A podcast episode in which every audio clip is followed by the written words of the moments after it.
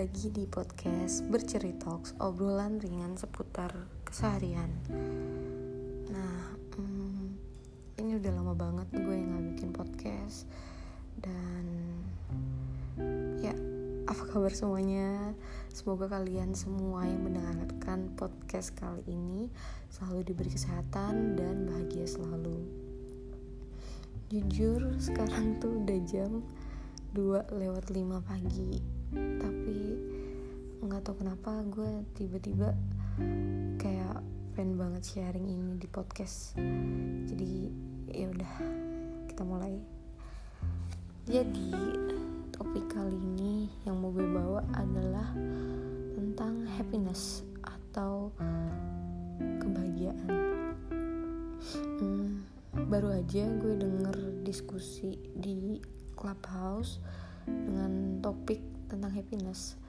Jadi ada dua topik. Yang pertama, money cannot buy happiness dan yang kedua, happiness as a skill. Jadi yang happiness as a skill ini dia kayak bikin affirmation affirmation gitu about happiness. Terus banyak banget yang mengartikan tentang apa itu happiness bahagia itu seperti apa bahagia itu ketika kita uh, bagaimana gitu. Banyak banget uh, dari masing-masing orang yang mengartikan bahagia itu secara pendapatnya masing-masing. Kemudian ada yang bilang kalau bahagia itu artinya bebas.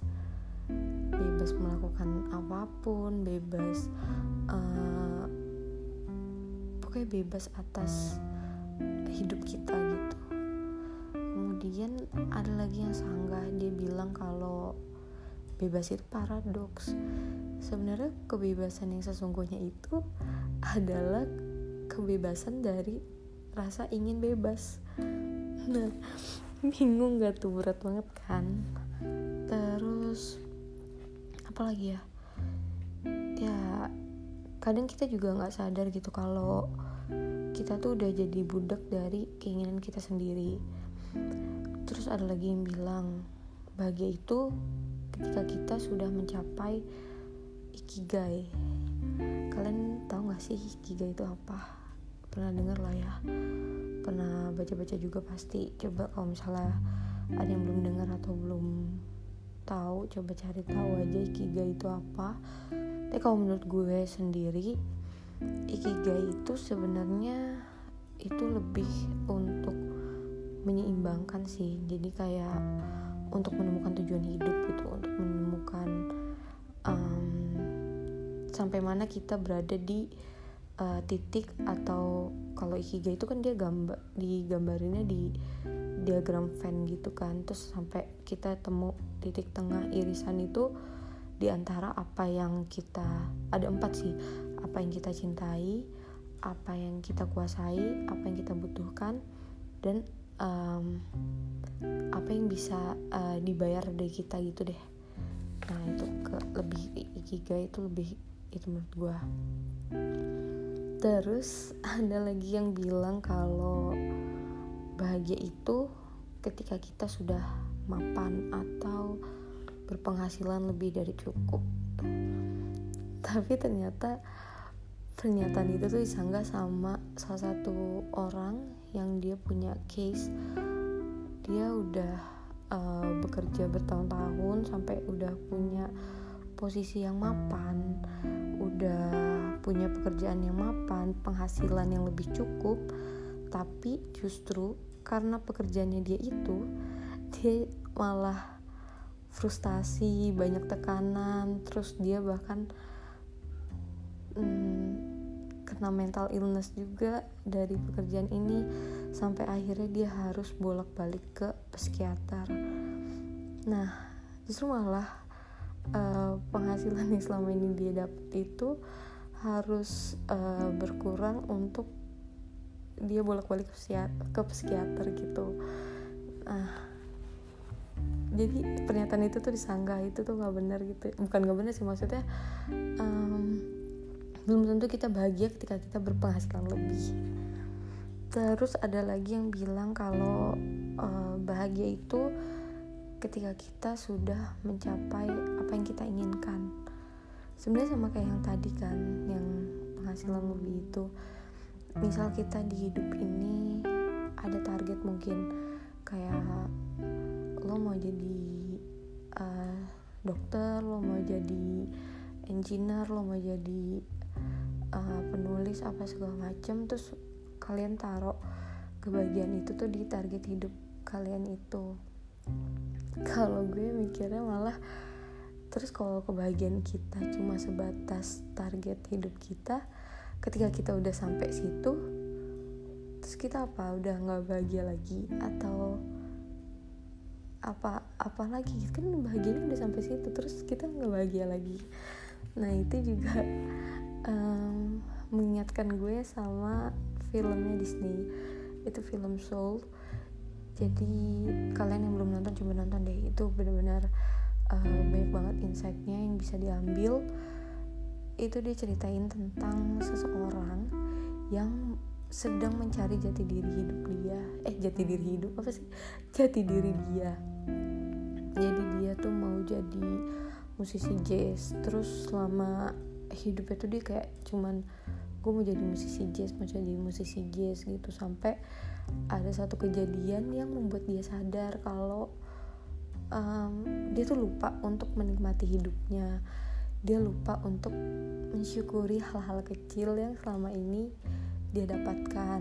Dan ketika dia sudah menjadi musisi jazz pun ya udah dia nggak ngerasain bahagia yang selama ini dia idam-idamkan gitu setelah dia tampil di panggung yang besar dia biasa aja gitu. Nah ini ada sangkut pautnya sih sama yang tadi. Terus juga gue pernah baca buku anak-anak gitu. Hmm, judulnya tuh A Frog Who Want to Fly. Jadi uh, ceritanya ada seekor kodok yang dia kodok kan jago banget berenang kan terus dia tuh menganggap skill berenang dia tuh gak bermanfaat buat dia dan buat orang lain. Kemudian dia lihat burung burung itu terbang bisa ke sana ke sini terus dia kayak langsung I want to fly I want to fly I want to fly like a bird. Dia selalu bilang kayak gitu kan sampai ada satu kejadian uh, burung itu jatuh ke sungai terus kodok itu lihat kemudian kodok itu bantuin burung itu untuk survive hidup lagi. Dia bantu angkat dari sungai ke atas kemudian burung itu bilang terima kasih kodok terima kasih udah nyelamatin hidup aku.